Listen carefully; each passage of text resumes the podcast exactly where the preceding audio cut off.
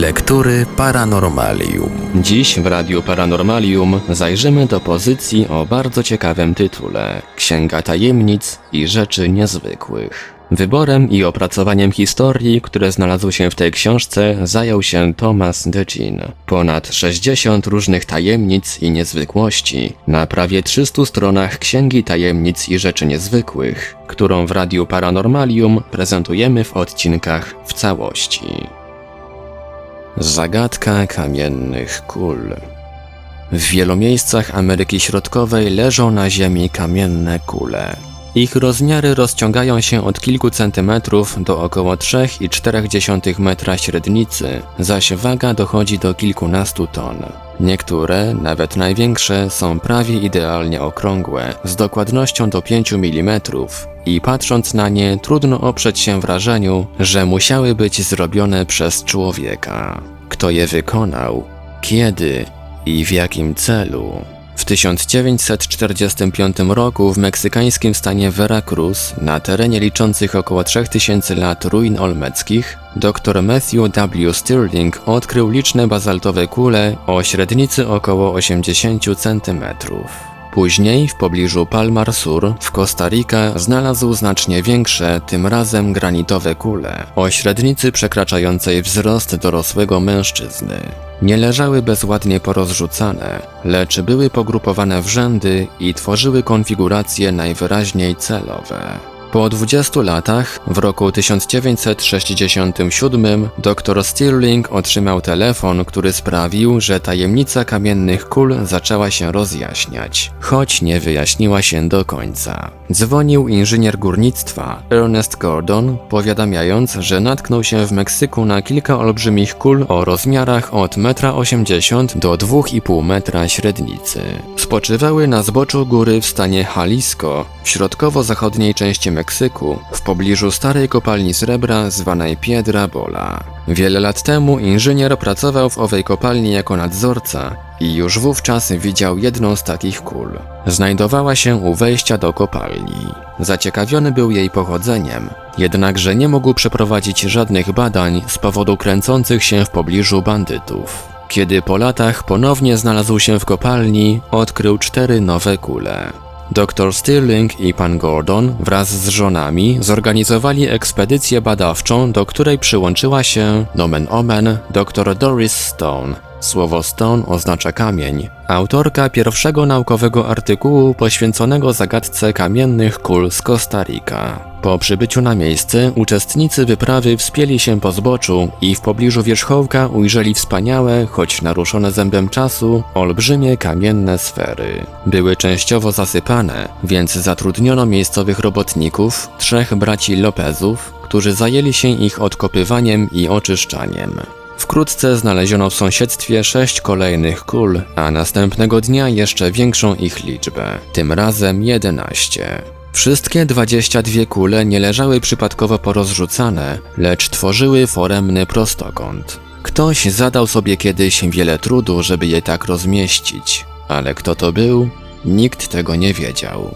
Trzeciego dnia jeden z braci, Jesus Lopez, rzucił od niechcenia uwagę, która zaelektryzowała badaczy. W Aqua Blanca, powiedział, zaraz za szczytem wzgórza jest mnóstwo takich kul leżących na ziemi. Naukowcy oniemieli. W gorączkowym pośpiechu wynajęto konie i wszyscy ruszyli na poszukiwanie nowych kul. Po przybyciu na miejsce stanęli jak wryci, urzeczeni niezwykłym widokiem. Jesus Lopez mówił prawdę, ale to nie wszystko. To bowiem, co zobaczyli, przeszło ich najśmielsze oczekiwania. Początkowo ujrzeli tylko jedną, zaraz za nią leżała jednak następna, a dalej w wąwozie leżały setki dalszych. Wypełniały całą dolinę, tworząc gigantyczną aleję kamiennych kul. Większość miała 1,80 m średnicy. Wszystko byłoby jeszcze do zniesienia, gdyby nie ta potworna ich ilość. W tej sytuacji badacze zaczęli wątpić w ich sztuczne pochodzenie. A jeżeli były tworem przyrody, to w jaki sposób powstały? I co zrobić z ich granitowymi siostrami, które w żadnym wypadku nie sprawiały wrażenia tworu natury? Stanąwszy przed zagadką, z którą nie mogli sobie poradzić, archeolodzy wezwali na pomoc geologów. Doktora Williama Melsona ze Smithsonian Institution i doktora Roberta Smitha z US Geological Survey. W marcu 1968 roku do Aqua Blanca wyruszyła nowa wyprawa. Przeprowadzono liczne badania w Alei Kul i zagadka została wyjaśniona. Wielkie kamienne kule z Aqua Blanca powstały 40 milionów lat temu w trzeciorzędzie na skutek krystalizacji wyrzuconego w powietrze tufu wulkanicznego. Twórcą kamiennych kul są prehistoryczne wulkany. Ale co z granitowymi kulami z Kostarika? Czy i one są zaskakującym tworem sił przyrody? Eksperci ponownie wzięli się do pracy. Tym razem diagnoza była całkowicie odmienna. Kule granitowe zostały zrobione ręką człowieka. Doktorzy W. Melson i Robert Smith nie mieli już wątpliwości. W sposób naturalny skała granitowa w żadnych warunkach nie utworzy formy idealnie kulistej a więc jednak Aztekowie, Olmekowie lub inni dawni mieszkańcy Ameryki Środkowej przyłożyli do tego swoją rękę. Tajemnica kamiennych kul została tylko częściowo wyjaśniona. Są dwa różniące się pochodzeniem rodzaje kul. Fakt, który do pewnego stopnia zbijał z tropu dotychczasowych badaczy. Jedne są tworami naturalnymi, powstałymi przed milionami lat na skutek wybuchów czynnych w owym czasie wulkanów. Drugie są sztuczne, gdyż zostały obrobione ręką człowieka. Aztekowie wierzyli, że ciała niebieskie są piłkami, w które grają bogowie. Może chcieli ich sobie zjednać, proponując im grę na ziemi, na przygotowanym przez nich boisku. Na myśl, że bogowie grają w niebiańską piłkę, mogły ich naprowadzić kamienne kule z Aqua Blanca i innych miejsc, na których nie mieli pojęcia, że powstały na skutek wybuchów wulkanów. Czyżby myśleli, że bogowie ich porzucili, zostawiając boiska zapełnione kamiennymi piłkami? A może, układając kule w geometryczne formacje, tak kule naturalne, jak i przez nich samych obrobione, odtwarzali w ten sposób wygląd nieba?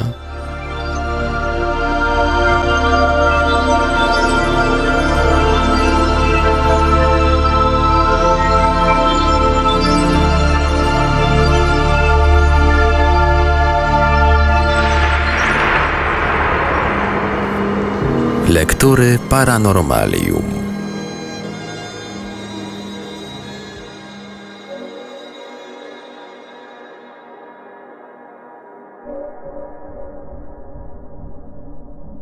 Nierdzewna kolumna na przedmieściach Delhi, stolicy Indii, wśród ruin budowli Kutub Minar stoi ośmiometrowej wysokości żelazna kolumna. Stoi tak sobie prawie od 1600 lat i nie byłoby w tym nic dziwnego, gdyby nie pewien zaskakujący i trudny do wytłumaczenia fakt. Ten żelazny słup jest w ogóle niepodatny na korozję. Wszystkie wykonane przez człowieka żelazne przedmioty w większym lub mniejszym stopniu są zżerane przez rdze, co jest jednym z poważniejszych problemów technicznych współczesnej cywilizacji. Oczywiście nowoczesna technologia zna sposoby wytwarzania nierdzewnej stali, ale są one całkiem świeżej daty. Nic nikomu nie wiadomo, by ponad półtora tysiąca lat temu ktoś potrafił wytwarzać żelazo odporne na korozję. Żelazne przedmioty odkrywane przez archeologów każdorazowo pokryte są rdzą, a mnóstwo innych zabytków przeszłości z powodu korozji po prostu się rozpadło. Tymczasem żelazna kolumna z Delhi drwi sobie z korozji, zmuszając do zrewidowania naszej wiedzy na temat metalurgicznych umiejętności naszych przodków. Kolumna została prawdopodobnie zbudowana około 415 roku nowej ery przez króla Kumaragupta I na cześć jego ojca Chandragupty II. Sam zachowany do dziś walec był jedynie cokołem, na którym stał posąg Garudy, człowieko-ptaka, rumaka boga Wisznu. Co się stało z posągiem Garudy i czy również on wykazywał odporność na rdzewienie, nie wiadomo. Zniknął gdzieś w mrokach historii i ocalał tylko jego cokół, dostarczając trudnej do rozwiązania zagadki. Starożytni Hindusi byli ludźmi pod wieloma względami zacofanymi technicznie, ale ich wiedza metalurgiczna musi zadziwiać. Mnich buddyjski, Fasien, podróżujący po Indiach w V wieku naszej ery, donosił, iż mieszkańcy tego kraju posługują się żelaznymi łańcuchami, na których zawieszają mosty. W czasach rzymskich Indie były jednym z dwóch najbardziej rozwiniętych ośrodków metalurgicznych ówczesnego świata. Drugi znajdował się na terenach dzisiejszej Austrii. To właśnie z Indii wysyłano do Damaszku sztaby żelaza, z którego sporządzano słynną stal damasceńską, dzięki której niejedna armia odniosła zwycięstwo nad wojskami wyposażonymi w żelazne klingi gorszej jakości. W jaki sposób dawni mistrzowie hinduscy potrafili produkować żelazo odporne na korozję? Niektórzy uczeni tłumaczą zaskakującą właściwość kolumny Kumaragupty I niezwykłą czystością użytego do jej budowy żelaza, co nie jest wszak żadnym wytłumaczeniem, ponieważ właśnie chodzi o to, w jaki sposób przed wiekami potrafiono wytwarzać tak czyste żelazo w połączeniu z suchym klimatem. Suchy klimat także wzbudza sprzeciw, jako że klimat Indii wcale nie jest taki suchy, zważywszy na padające tam często ulewne deszcze. Wszystkie inne żelazne obiekty na terenie Indii są podatne na korozję, mimo iż znajdują się w takim samym klimacie, a więc diabeł nie tkwi w klimacie, lecz w czym innym. Zdumiewającą odporność na korozję, co kołu Garudy, próbowano też tłumaczyć jakąś reakcją chemiczną zachodzącą między żelazem, a potem tysięcy rąk wiernych dotykających kolumny. Wyjaśnienie to również nie wygląda najlepiej, ponieważ nawet najbardziej wierny z wiernych nie jest w stanie sięgnąć dłonią na wysokość 8 metrów, a kolumna jest odporna na korozję na całej swej długości. Nierdzewna kolumna Kumaragupty I nie doczekała się porządnych badań naukowych. Nie bardzo więc wiadomo, czy została ona odlana, czy też sporządzono ją na drodze zespolenia określonej liczby żelaznych kręgów, które po doprowadzeniu do gładkości połączono ze sobą, tworząc coś w rodzaju lekko zwężającego się ku górze walca. Gdyby kolumna została odlana, byłoby to tym bardziej zdumiewające, gdyż trudno uwierzyć, by metalurdzy sprzed półtora tysiąca lat byli w stanie odlać dziesięciotonowy walec z nierdzewnego żelaza. Żeby zamienić żelazo w płyn potrzebna jest temperatura 1530 stopni Celsjusza. Aż do XIV wieku znane były tylko prymitywne piece, dymarki niezdolne do zamiany żelaza w płyn. Temperatura, którą wytwarzały, była w stanie zamienić twarde żelazo w brudną, ciastowatą masę, z której niepodobna uzyskać żelaza przyzwoitej jakości. Znana nam technologia dopiero w XVIII wieku umożliwiła roztopienie rudy żelaza do stanu płynnego. Jednakże wchodziły tu w grę jedynie ważące kilkadziesiąt kilogramów bryły, a nie masa o wadze około 10 ton. A ponieważ nawet dziś, pod koniec XX wieku, trudno uzyskać, o ile to w ogóle możliwe, niepodatne na korozję żelazo metodą prostego odlewania na wolnym powietrzu, trzeba by właściwie przyjąć, że zagadkowa kolumna Kumaragupty I nie została wykonana techniką odlewniczą. Kto wyjaśni żelazną zagadkę sprzed 15 wieków?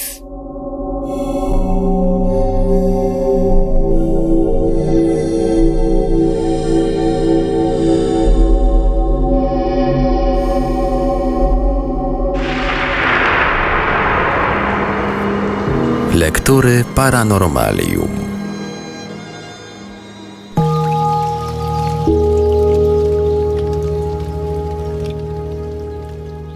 Czaszka z kryształu. W 1970 roku w Muzeum Indian Amerykańskich w Nowym Jorku można było podziwiać kryształową czaszkę naturalnych rozmiarów. Wykonano ją z jednego kawałka kryształu górskiego, kwarcu, z wielką dbałością o szczegóły anatomiczne. Czaszka ma wewnętrzne żyłki i otwory, zaś pewne detale sugerują, że modelem była czaszka kobiety.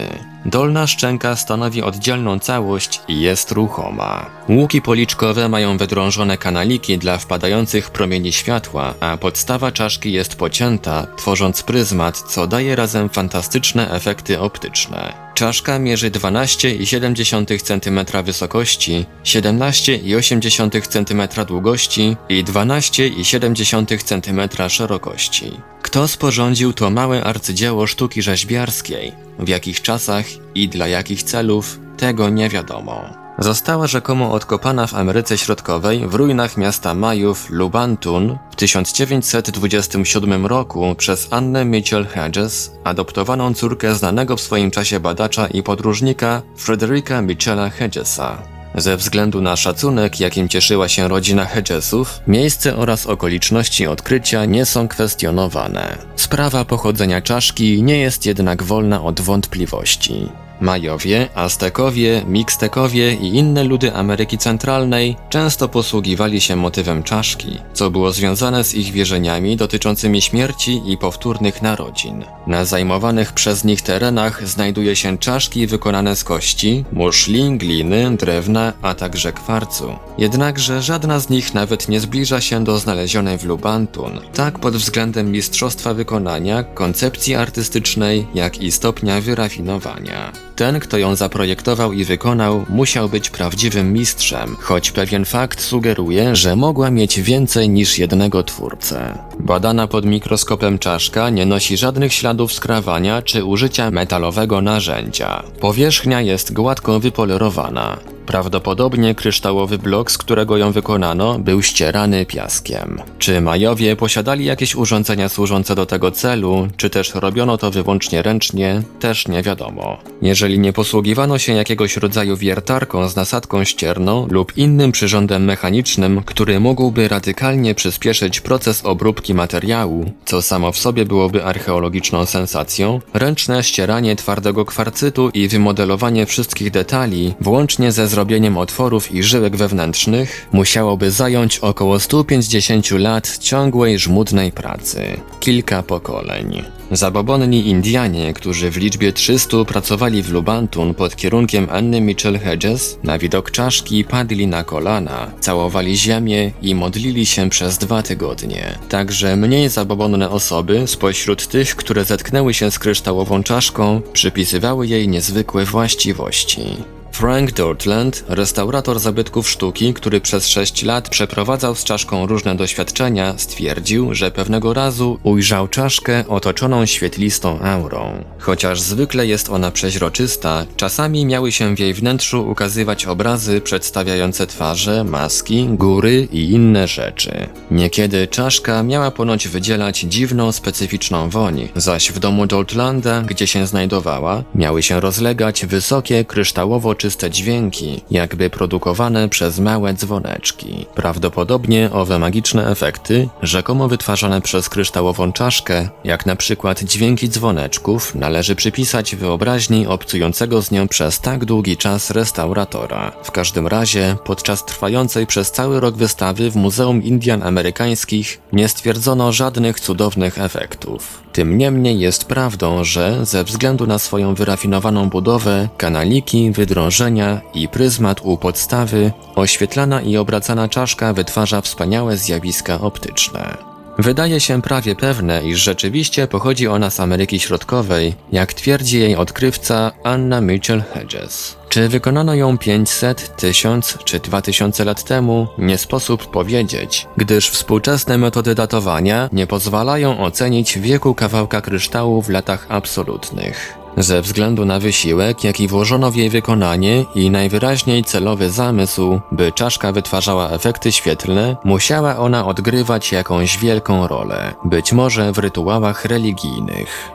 Świadczyłby o tym fakt, iż odkopano ją w ruinach czegoś, co wygląda na kompleks świątynny. Frank Dortland, Anna Mitchell Hedges i wielu innych, którzy obcowali z czaszką i podziwiali wspaniałe zjawiska świetlne, które to arcydzieło sztuki produkuje, sądzą, że przedmiot ten służył do wpływania na ludzkie uczucia, myśli i nastroje.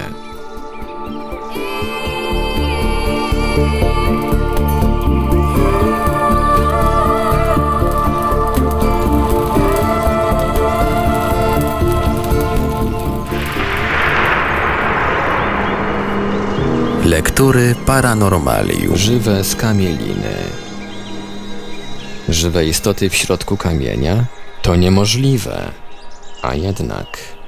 22 kwietnia 1881 roku Joe Molino pracował na głębokości 18 metrów w kopalni White West w pobliżu Robbie Hill w Nevadzie. Wwiercał się właśnie w skałę, by usunąć nieregularny kawałek kamienia, który wystawał z bocznej ściany tunelu. Kamień obluzował się i spadł mu na nogę, co rozwścieczyło górnika do tego stopnia, że sięgnął po młot i rozwalił bryłę na pół. Ku jego zdziwieniu w kamieniu było zagłębienie wielkości dużej pięści pełne białych robaków. Joe wyjął je. Nie dawały wprawdzie znaku życia, ale nie minęło kilkanaście minut, gdy kilka robaków zaczęło się poruszać, zaś w przeciągu godziny grupka zdziwionych górników przyglądała się robakom pełzającym wolno po podłodze tunelu. Kierownictwo kopalni wysłało ten zadziwiający eksponat do US Bureau of Mines, biura kopalnianego Stanów Zjednoczonych. Otrzymali odpowiedź, że zdarzenie było zapewne wynikiem jakiegoś nieporozumienia, ponieważ to, co opisali, nie mogło mieć miejsca. Tak samo zagadkowy był przypadek pospolitego czerwono-szarego żuczka, którego znaleziono pogrzebanego w dobrze doń pasującej grudce rudy żelaza, wydobytej ze sławnej kopalni Longfellow koło Clifton w Arizonie w 1892 roku.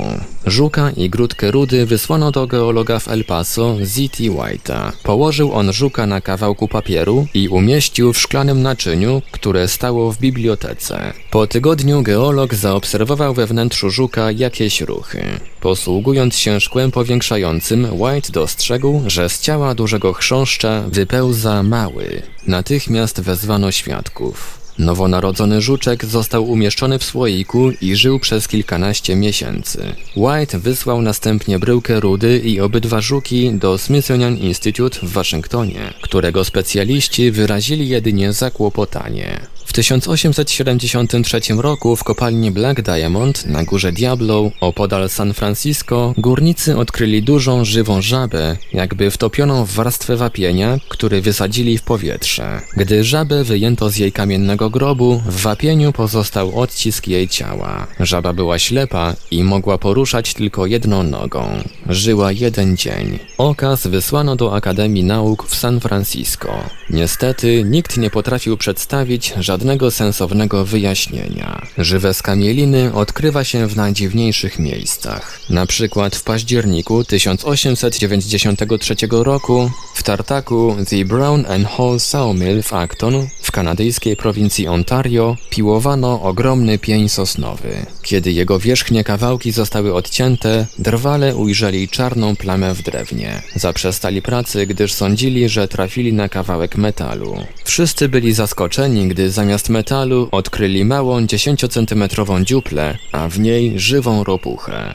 Dziupla była zupełnie gładka i niemalże sferyczna, tak jakby ropucha przez cały czas skrobała w niej. Ścięte drzewo liczyło około 200 lat, zaś część, w której znaleziono żabę, znajdowała się jakieś 18 metrów nad ziemią i miała grubość około 80 centymetrów. Innym tego rodzaju odkryciem było znalezienie małej żabki w granitowym bloku w 1829 roku podczas wymiany filarów pod dokami w Georges Basin w Liverpoolu. Jeden z wyciągniętych z wody granitowych bloków został rozcięty i w jego wnętrzu odkryto małą żabkę. Stworzonko żyło kilka godzin, podczas których usiłowało powstać, aż w końcu znieruchomiało. Brytyjscy naukowcy, którzy badali ropuszkę i jej grób, nie znaleźli żadnego rozsądnego wyjaśnienia tej niezwykłej zagadki.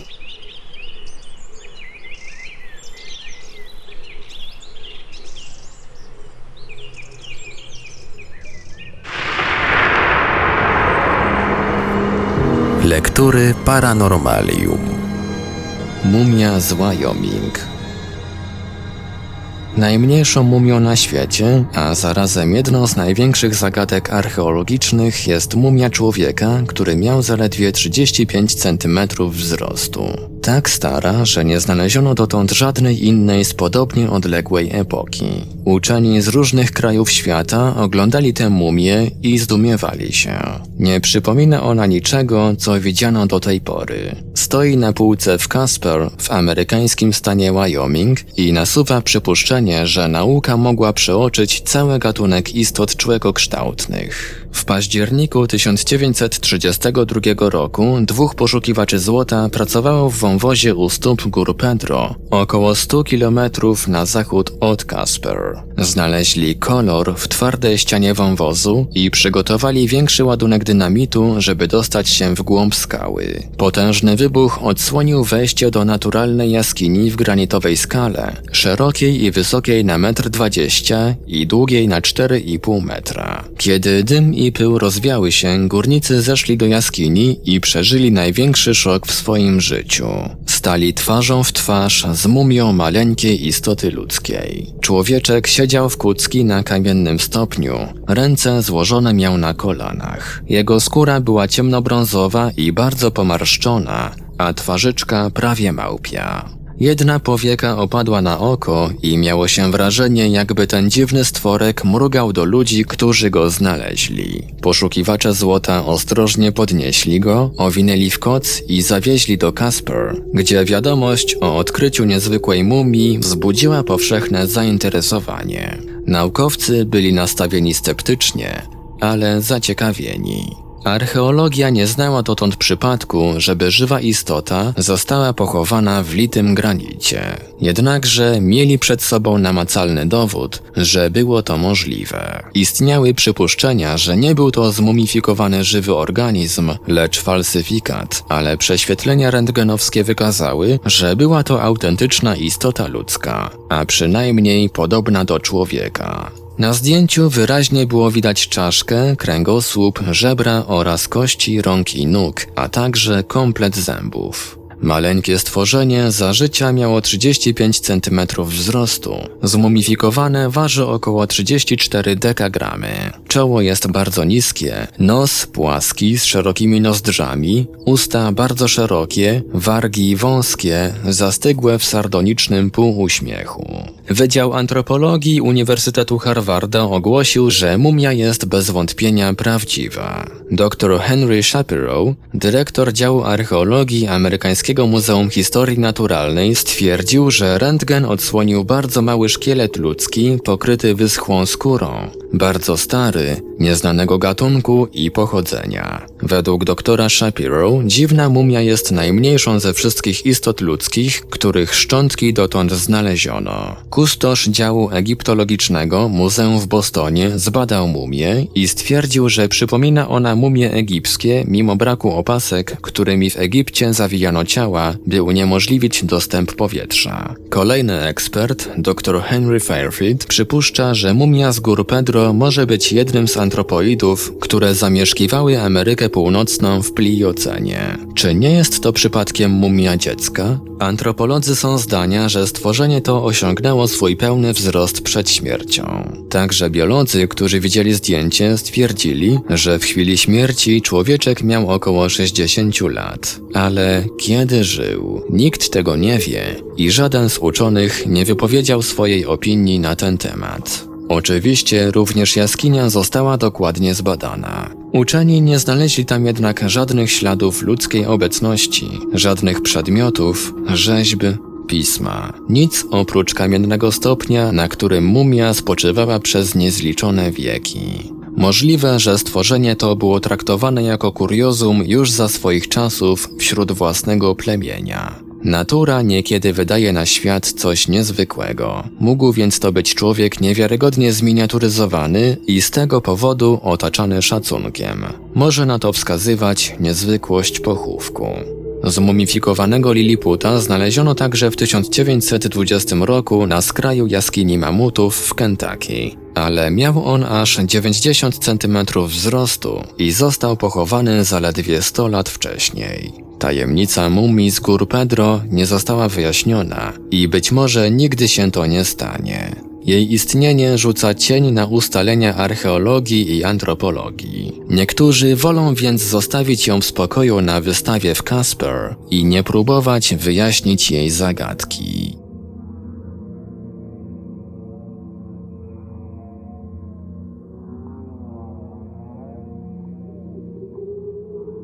Tutaj wyjątkowo pozwolę sobie na mały komentarz, ponieważ posiadam pewne informacje, które pojawiły się wiele lat po wydaniu książki Thomasa Degina. Otóż, zgodnie z najnowszymi ustaleniami, prawdopodobnie ciało z Wyoming należy jednak do dziecka, które cierpiało na rzadką wadę zwaną anencefalią, czyli po prostu bezmózgowiem.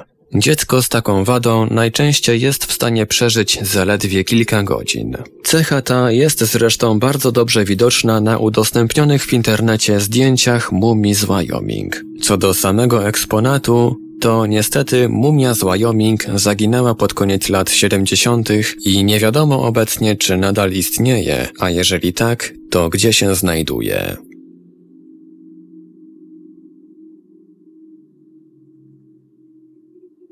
Był to fragment książki Thomasa Degina Księga Tajemnic i Rzeczy Niezwykłych. Dalszy ciąg w kolejnym odcinku Lektur Paranormalium. Lektury Paranormalium.